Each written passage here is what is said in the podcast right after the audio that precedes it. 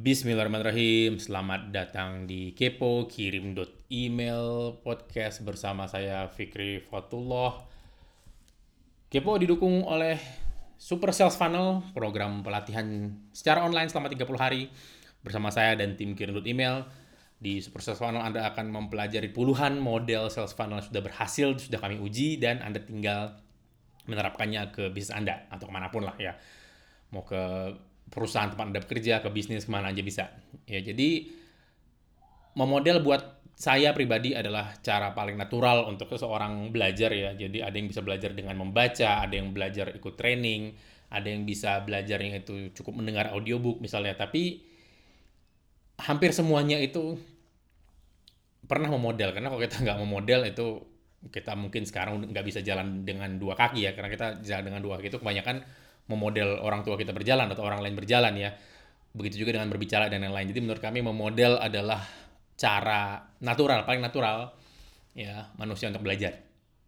Jadi karena kami fokus mengumpulkan puluhan model yang sudah berhasil tentang bagaimana sales funnel bekerja ya di internet, terutama untuk menjual secara online. Jadi apa aja modelnya ada, ada puluhan banyak sekali dan kita akan diskusi selama 30 hari. Silahkan ke salesfunnel.id sales biasa. Funnel ya funnel lah ya silahkan di Google. Double L double N double N sales funnel ya. Dot .id ya silahkan ke situ untuk mempelajari dan gunakan kode kupon kepo untuk mendaftar KEPO huruf besar semua. Anda akan mendapatkan diskon 10% untuk mendaftar super sales funnel. Oke. Okay. jadi saat saya rekam ini itu lagi ada sedikit ke kehebohan lah ya di timeline saya paling tidak ya.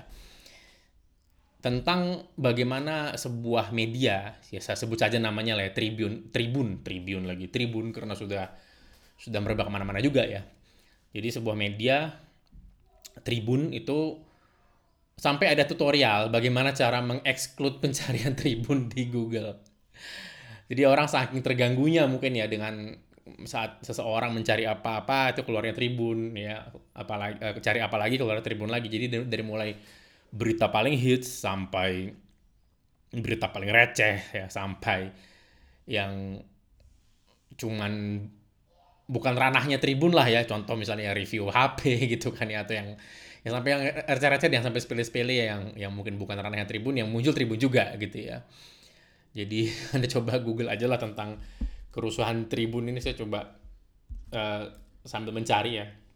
Ini yang paling di, banyak di-share di timeline saya itu adalah artikel dari mojo.co ya, yaitu tips menghindari artikel Tribun News di Google ya. Jadi ada sebuah gerakan untuk me, menghilangkan atau Tribun dari dari hasil pencarian. Nah, caranya bagaimana? Jadi ada kata yang bisa Anda ketik, sebuah tulisan yang bisa Anda ketik yaitu pakai tanda minus ya. Minus Tribun ya tribunnya tulisan tribun Indonesia ya N jadi misalnya kata kunci yang anda cari itu misalnya iPhone lah ya iPhone ya iPhone spasi tanda minus tanda hubung gitu ya terus tribun itu tidak tidak dipisah jadi nanti akan keluar hasil pencarian di Google katanya tanpa tanpa tribun di dalamnya gitu ya karena tribun ada di mana-mana.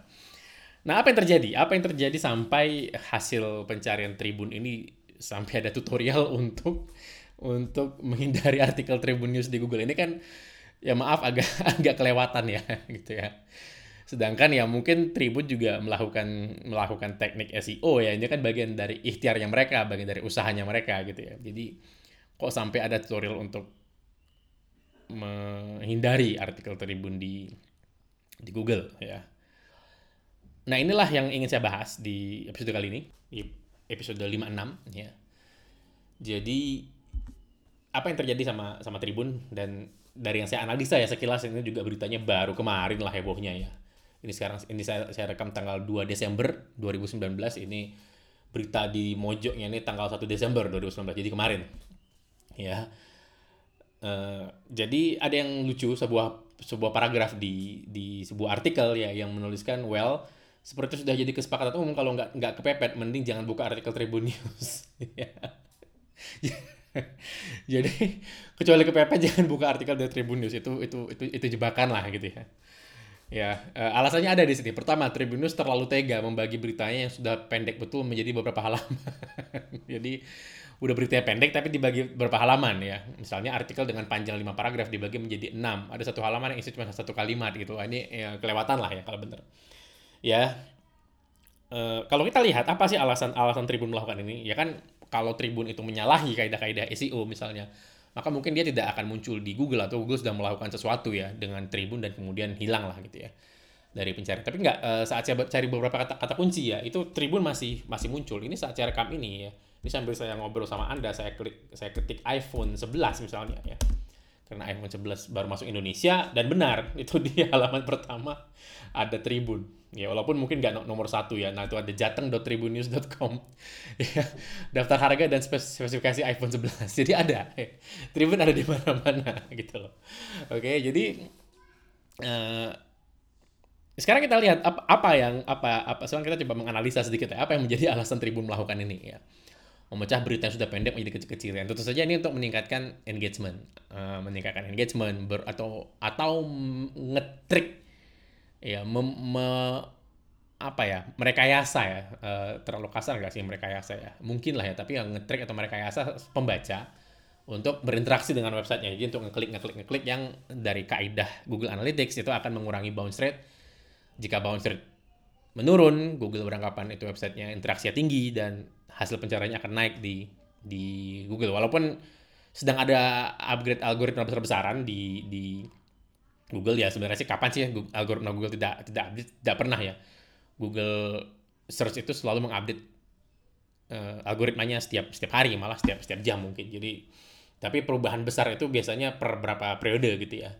Nah ini Google ada mekanisme algoritma baru didukung oleh AI atau kecerdasan buatan dan lain-lain. Ya mungkin kita akan akan lebih sedikit melihat ha, beberapa hal beberapa beberapa artikel yang yang dikemas seperti Tribun ini ya. Tapi balik lagi, apa sih alasannya? Alasannya adalah tentunya traffic. Ya, dengan mereka melakukan ini, mereka akan sering banget muncul di hasil pencarian, terutama dan di beberapa kata kunci mereka itu di nomor satu, nomor dua gitu ya. Dan di atas mereka iklan gitu kan. Jadi uh, mereka yang yang yang diklik duluan biasanya sering diklik duluan. Ya. Jadi mereka akan kebanjiran traffic dengan cara seperti itu. Nah, inilah yang akan kita bahas. Ya, traffic versus audience itu adalah itu adalah topik episode kali ini. Nah, jadi bayangkan ada sebuah website berita yang ada tutorial cara menghindarinya di di di Google. Karena mungkin orientasinya adalah traffic. Mungkin saya nggak tahu, saya nggak belum pernah ngobrol sama orang Tribun dan tujuan dari bahasan di sini bukan untuk mengkonfirmasi dengan orang tribun ya, saya bukan jurnalis gitu loh ya. Saya hanya menganalisa apa yang saya lihat di, di ditemukan di lapangan dan juga bisa Anda analisa langsung ya tanpa harus melalui saya juga. Anda tinggal Google aja gitu kan. Kata kunci random seperti saya tadi, iPhone 11 tiba-tiba muncul juga Tribun gitu ya. Jadi yang fokusnya Tribun yang saya lihat alasan utamanya tidak lain menurut saya adalah traffic. Kenapa? Karena website berita seperti Tribun itu sangat membutuhkan traffic. Karena pendapatan utama websitenya, eh, ini saya ngomong konteks websitenya itu melalui iklan dan mungkin juga media cetaknya itu juga melalui iklan gitu loh ya. Jadi semakin banyak traffic, eh, asumsinya ya semakin banyak traffic itu akan semakin tinggi revenue iklan mereka. Semakin tinggi orang yang melihat iklannya kan gitu ya, semakin tinggi juga revenue iklannya. Itu formula sederhana yang mungkin Anda sudah tahu, nggak usah saya jelaskan lagi. Ya, tapi yang ingin saya bahas adalah ada beberapa website berita atau website media lah ya. Saya saya nggak spesifik berita berita resmi ya. Saya uh, nggak spesifik uh, jurnalisme berita yang resmi. Web, uh, website yang berbentuk me media lah kita bilangnya media lah ya biar biar biar umum. Contoh ada media seperti Hipwi, ada media seperti Kumparan, ada media tadi seperti Mojok yang isinya mungkin nggak nggak cuma berita tapi juga opini-opini dan lain-lain. Tapi dia dibaca orang karena menarik gitu loh ya. Nah, apa apa yang membedakan Mojok? Dengan Tribun. Uh, kalau oke okay, mungkin kalau Mojok dan Tribun saya bandingin gak head to head. Kita sama-sama website yang berita deh ya. Contoh misalnya Kumparan, Kumparan fokus ke berita ya. Atau Detik lah, Detik fokus ke berita ya. Nah, apa yang bedakan website seperti Kumparan dan Detik itu dengan dengan Tribun ya? Kenapa kenapa di timeline saya banyak orang yang nge-share apa apa sebabnya ya? Di timeline saya banyak orang yang nge-share berita dari dari Kumparan, dari Detik, tapi tidak dari Tribun gitu ya Nah, itulah alasannya. Tri Tribun memiliki traffic, sedangkan kumparan atau mojok atau hipwi atau detik mungkin ya, walaupun detik sekarang udah ada gelagatnya seperti Tribun juga multiple pages ya tapi nggak separah Tribun lah ya. Itu website seperti Kumparan dan Mojo itu mereka memiliki audience. Bukan hanya memiliki traffic mereka memiliki audience. Jadi mereka tidak ngetrik pembacanya untuk traffic jangka pendek tapi mereka memang menulis beberapa ya beberapa artikel di di Mojok itu emang opini sangat bagus ya. Walaupun hanya opini ya. Uh, dan beberapa uh, jurnalisme di di Kumparan itu bagus sekali menurut saya ya. Kalau anda pernah nonton YouTube-nya Kumparan atau pernah baca baca artikelnya Kumparan itu emang ada beberapa beberapa artikel mereka kemas dengan dengan berbeda ya dengan bagus sekali ya. Nah apa yang bedakan jadinya traffic dengan audience. Ini sebenarnya pernah dibahas uh, sama Profesor Galloway ya, kasus yang sama pernah terjadi di Amerika. Yaitu uh, sebuah website berita yang ya sama mungkin ya penggila traffic atau pemuja traffic saya bilang ya namanya BuzzFeed ya. Dibandingkan dengan Washington Post yang memang sudah veteran lah ya di dunia jurnalisme gitu loh. Nah, Washington Post memiliki audience, BuzzFeed memiliki traffic. Sama prinsipnya ya. Mungkin kumparan ya itu memiliki audience ya dan sedangkan Tribun itu memiliki traffic. Nah, yang membedakan buat saya uh, traffic dengan audience adalah traffic itu kata kuncinya di perhatian, attention. Mereka memperhatikan apa yang dilakukan sama media tersebut gitu loh. Ya, jadi pembeda utamanya di situ di perhatian. Ya, itu kata kata kuncinya. Artinya pembaca Mojok, pembaca media seperti Kumparan atau Hipwi itu benar-benar nge-share karena mereka memang memperhatikan artikelnya, memperhatikan bacaannya, menikmati juga bacaannya ya. Jadi bukan bukan karena mereka ngeklik karena itu harus diklik atau itu berita heboh apa enggak. Tapi karena memang itu beritanya dibaca, artikelnya dibaca gitu ya. Walaupun ya yang saya sebut ya mungkin kayak Mojok kayak Hipwi itu bukan bukan niche saya ya. Saya tidak menikmati saya tidak bukan penggemar Hipwi atau Mojok enggak. Tapi ya harus saya akui beberapa tulisan mereka memang bagus. Ya dan ya kumparan juga mengemas berita uh, cukup bagus menurut saya ya. Nah mereka punya audiens mereka punya orang-orang yang perhatian mereka memperhatikan. Sedangkan ya tadi ya Tribun itu fokus ke traffic ya terserah nih berita mau dibaca mau nggak pokoknya lu klik next gitu kan ya. Maka dari satu halaman ada yang cuma satu kalimat gitu pokoknya apa? Karena tujuannya memang bukan bukan bukan mencari audiens tujuannya mencari klik tadi gitu loh ya mencari engagement. Intinya untuk mengakali algoritma mungkin atau mengakali analytics ya tapi tidak untuk tidak nyaman untuk membaca. Ya. Nah menambah traffic apalagi bagi bisnis itu boleh saya katakan sangat sederhana Ya, jika Anda ingin datang 10.000 orang ke toko online Anda sekarang atau Anda ingin datang 10.000 orang ke blog Anda sekarang ya tinggal bayar ke Facebook. Wani Piro kata Facebook ya, bayar gitu loh. Bisa bayar berapa? Kita bayar ya. Orang akan datang. Itu traffic. Ya. Tapi audiens ini cerita berbeda. Audiens yang memperhatikan Anda, audiens yang peduli. Kata kuncinya tadi ya, peduli dengan Anda, peduli dengan apa yang Anda lakukan. Itu nggak bisa dibangun dalam satu malam. Ya lagi ya, hanya orang-orang yang memang peduli lah sama sama pembaca juga yang bisa melakukan. Makanya beberapa channel yang saya nikmati di YouTube ya seperti channel ya teman saya sendiri Rico Huang ya misalnya itu banyak mewawancara kemarin foundernya si apa eh, CEO-nya JNE itu sangat saya nikmati wawancaranya. Uh, itu bener-bener bener-bener saya akan senang hati nge-share itu ke orang lain gitu loh video itu ya kenapa karena obrolannya memang bagus dan sangat sangat inspiring menurut saya sangat sangat menginspirasi menurut saya ya. Nah itulah audiens saya adalah audiens Riko. Apa pun yang Riko posting ke YouTube-nya, ya channelnya Riko Huang, kemarin ada sama Kevin Aprilio segala macam, itu saya sangat menikmati obrolannya. Karena saya adalah audiens Riko gitu loh ya. Berbeda dengan tadi ya Tribun, saya sangat tidak, tidak menikmati Tribun. Dan saya setuju dengan tadi paragraf yang menyebutkan bahwa kalau nggak kepepet banget saya nggak akan buka Tribun. Kecuali ada ada breaking news banget yang saya harus tahu dan saya belum tahu, makanya dan beritanya itu dari Tribun ya sudah apa boleh buat gitu ya. Ya kan daripada saya ketinggalan berita kan gitu ya. Jadi itulah bedanya ya uh, dan dalam dalam dalam database kita, misalnya Anda mengumpulkan database email atau Anda punya follower di Instagram dalam jumlah besar, ya follower itu bisa jadi hanya hanya traffic, belum tentu jadi audience ya. Dan sebaliknya dari sisi dari sisi dari sisi sebelah sana ya dari sisi uh, sisi audience satu database itu bisa terdiri dari beberapa audience. Contoh di kejadian di saya, kejadian di kami di email saat kami misalnya bikin diskusi atau webinar misalnya tentang Instagram itu yang datang audiensnya ya A B C D tipenya adalah gitu ya dan jumlahnya misalnya 600 sampai 1000 orang misalnya ya yang yang menyimak webinar itu sampai akhir. Sedangkan kalau saya bahas email marketing bisa jadi audiens Instagram tadi itu nggak hadir di saat saya bahas email marketing gitu loh. Ya, jadi misalnya saya bahas uh, produk kirim email satu lagi ya belanja.bio ya. Itu saya kemarin bikin webinar, itu ya yang menyimak berbeda sekali dengan saat saya bikin webinar yang bahasnya email marketing. Jadi ada beberapa audiens di dalam database yang sama. Database satu, database itu, itu aja ya, tapi saat saya tawarin ini, tawarin itu, itu audiensnya berbeda. Jadi bisa jadi Anda mengalami hal yang sama dengan saya ya di dalam database pelanggan Anda sekarang ada beberapa audiens yang lagi sesuai konteks. Audiens itu sesuai konteks dia datangnya. Nggak bisa jebret itu semua orang disamaratain, enggak. Dan di dalam konteks itu ada waktu. Ya, bisa jadi dia nggak butuh uh, dia nggak butuh konten Anda sekarang, tapi dia perhatikan, oh ini berarti si Riko punya video ini ya. Contoh misalnya saya sama Riko tadi ya. Riko punya video ini.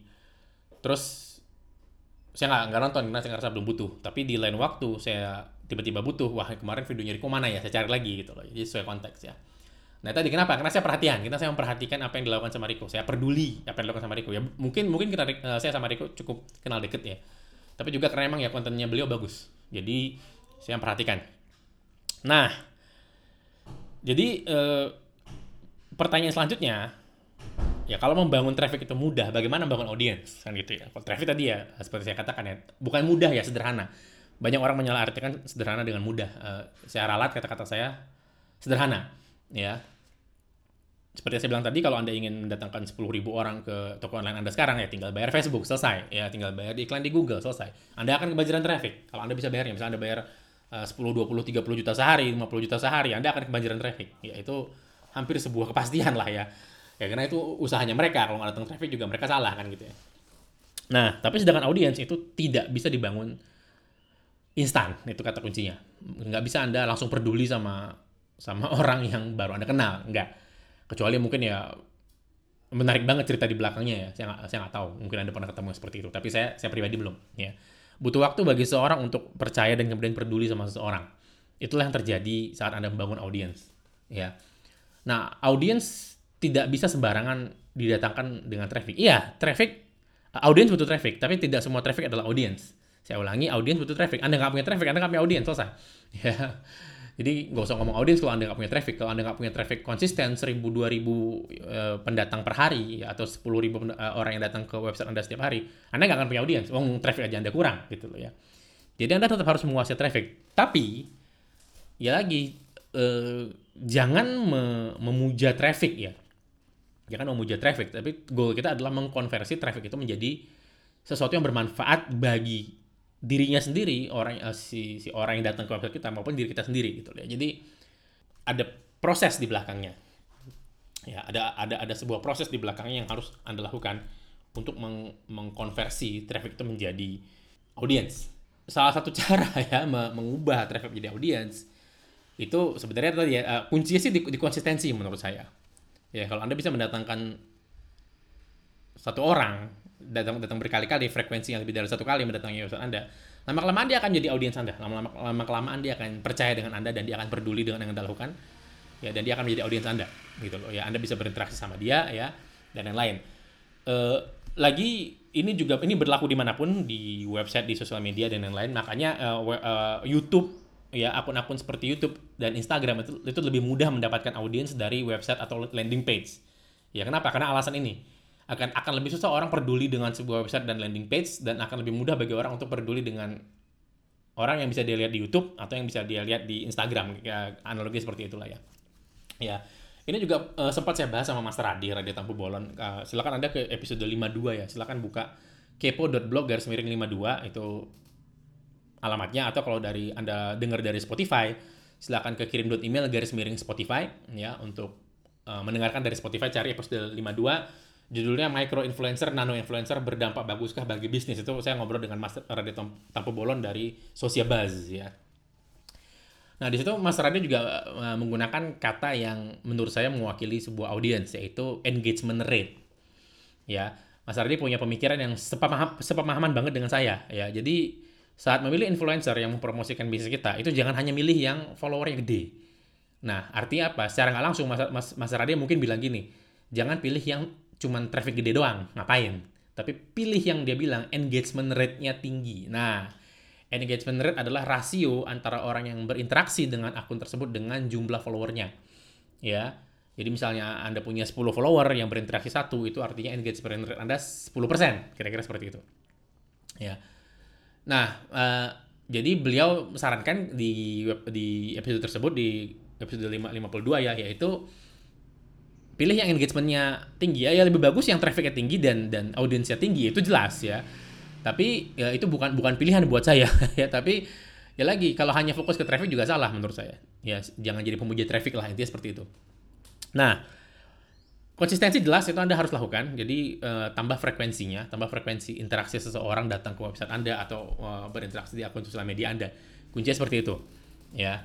Nah, yang kedua, Anda mengengineer atau mendesain sebuah proses yang kami sebut namanya funnel.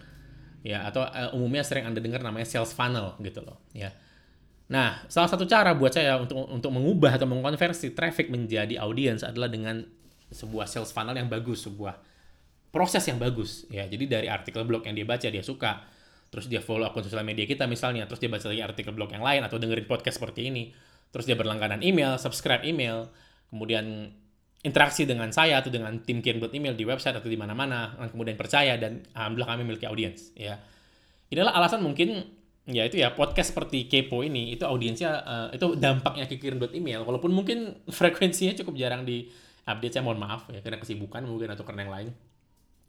Uh, cukup jarang diupdate tapi kontribusinya ke kirim email alhamdulillah sangat besar. Baik itu dari sisi traffic dari sisi revenue ya cukup besar lah ya. Termasuk yang top 10 terbesar gitu loh ya kenapa? Karena saya punya audiens mungkin di sini. Karena kepo itu sudah sudah ada audiensnya gitu loh ya. Tidak mudah bagi saya membuat satu episode di kepo. Karena itu ya harus dipikirin. Kalau ada tamu yang diundang harus cocokin waktunya dengan tamu. Saya harus nyusun pertanyaan yang bagus bagi tamunya. Karena buat saya pertanyaan yang bagus lebih penting daripada jawaban yang baik dari tamu. Ya lagi ya mungkin mungkin alhamdulillah ya uh, keringat ya, kerja keras ini qadarullah Allah menganugerahi saya dengan audiens yang luar biasa baik hati ya. Ngasih feedback itu sering saat saya broadcast tiap episode podcast itu banyak yang reply email saya bilang alhamdulillah mas akhirnya ada update gitu loh. Ini udah ditunggu-tunggu mas. Itu walaupun kecil reply reply seperti itu kecil itu buat saya tuh wah gitu loh ya. Uh, kadang beberapa ngasih feedback yang cukup bagus ya. Uh, jadi ya alhamdulillah artinya di sini saya menilai ya ada audiens dari kirim email podcast dari Kepo ya. Artinya sesuatu hal yang sangat menantang dilakukan tapi hasilnya sangat layak menurut saya hasilnya ya. Jadi ini yang yang membuat saya terus bersemangat untuk membuat podcast walaupun ya tidak mudah ya. Walaupun beberapa orang wah kan tinggal nyerocos doang mas gak kayak nulis. Mungkin iya tinggal nyerocos doang. Tapi ya uh, entah ya kadang juga menantang kan apa yang mau dibilang di saat nyerocos gitu ya. Nah, contoh eh, contohnya seperti episode ini ya. Itu itu saat saya temukan di timeline saya kemarin dan eh, beberapa hari yang lalu sebelumnya itu uh, saya ketawa dulu gitu loh. Ada sampai ada ya sebuah tutorial untuk supaya orang nggak buka uh, menghindari tribun. Itu kan lucu ya. Saya saya endapkan dulu. Tapi setelah saya saya telaah, saya pahami ya bener ya. Ini ini pelajaran buat kita buat saya terutama. Ya kok bisa ada orang yang niat banget menjauhi sesuatu sampai ngajakin orang rame-rame? Gitu loh kan ya. Sampai bikin tutorialnya gratis lagi gitu kan supaya orang nggak buka tribun. Itu kan memberikan pesan ke kita ya bahwa orang jenuh diakalin dengan multiple page yang nggak nggak nggak jelas cuman satu halaman tiba-tiba harus klik lagi untuk balik ke halaman selanjutnya dan yang lain dengan mungkin headline headline beberapa yang sangat clickbait gitu ya memancing klik doang isinya nggak ada gitu kan ya Nah orang mungkin sudah jenuh ya, orang pengen tulisan berkualitas, orang ingin konten berkualitas, orang ingin jurnalisme yang baik ya, yang mungkin tidak tidak didapatkan di Tribun. Jadi dibuatlah seperti itu karena Tribun menguasai search engine ya, ya dibuatlah seperti itu agar yang keluar tuh berita-berita berkualitas. Karena ya tadi ya eh, saat saat kita tidak memahami sebuah teknik SEO seperti seseorang yang mungkin konten tidak berkualitas tapi paham SEO jadinya seperti ini. Itulah uh, yang sering saya tekankan, uploadlah konten yang banyak uploadlah konten sebanyak yang kita bisa. Kenapa? Karena konten original ya. Eh, artinya seperti ya tulisan Anda sendiri, podcast Anda sendiri, YouTube Anda sendiri. Konten yang original bukan di repost dari orang ya. Uploadlah sebanyak yang kita bisa. Kenapa? Karena kalau kita diem, ya yang maju adalah orang-orang dengan konten yang menurut saya kurang baik. Jadi jangan diem, jangan pasif, jangan marah-marah, jangan jangan cuman bisa mengkritik, tapi kita bertindak ya kita bertindak, kita maju, kita berbuat karena pada pada akhirnya kita akan nilai dari tindakan kita ya. Jadi Begitu juga dengan, dengan membuat audiens ya. Kalau Anda cuma datangin traffic doang ya, traffic itu sangat mudah sekali. ya Anda bisa datangin 10.000 orang sekarang juga ke website Anda. Itu mudah sekali. Ya sederhana sekali, maaf secara lagi ya. Tapi membangun audiens itu akan butuh dedikasi. Itu akan butuh kepedulian juga dari Anda sebagai pembuat kontennya ya. Akan butuh kepedulian juga dari Anda untuk mengemas kontennya jadi bagus, mendesain sesuatu yang baik supaya mudah dibaca, mudah dicerna, menyusun materinya biar enak. Itu sangat menantang buat saya. Salah satu uh, cara membangun audiens itu akan kita bahas di Super Sales Funnel ya. Uh, dibuka lagi dari tahun 2017 Super Sales Funnel dengan 300 350 lebih alumni ya. Selama 30 hari kita akan belajar dengan intens sekali dan pada akhirnya akan ada sertifikat dari kirim email yang menyatakan bahwa Anda adalah seorang profesional sales funnel practitioner ya. Nah, jadi silahkan ke salesfunnel.id ya gunakan kode kupon kepo. Uh, ini supporter untuk episode ini ya. Uh, super sales funnel. Jadi ke salesfunnel.id sales biasa S A L E S funnel itu double N F U N N E L ya funnel ya salesfunnel.id itu alamat website gunakan kode kupon kepo untuk mendaftar super sales funnel Insya Allah selama 30 hari kita akan belajar uh, secara online saya dan tim kirim email bersama anda langsung kita akan uh, kami akan membagikan puluhan model uh, Savannah berhasil lengkap dengan visual toolsnya, lengkap dengan dengan aplikasi-aplikasi yang anda butuhkan untuk menja untuk mengeksekusi uh, funnel-funnel tersebut ya. Itu aja mungkin dari saya. Untuk episode kali ini, jika Anda memiliki pertanyaan atau sesuatu yang ingin Anda tanyakan, silakan email saya. Email saya terbuka uh, ke fikri at kirim.email, f i k r y at kirim.email ya, kirim.email itu alamat website. Silakan kabarin saya ya, insya Allah saya akan balas hampir semua email, email yang masuk.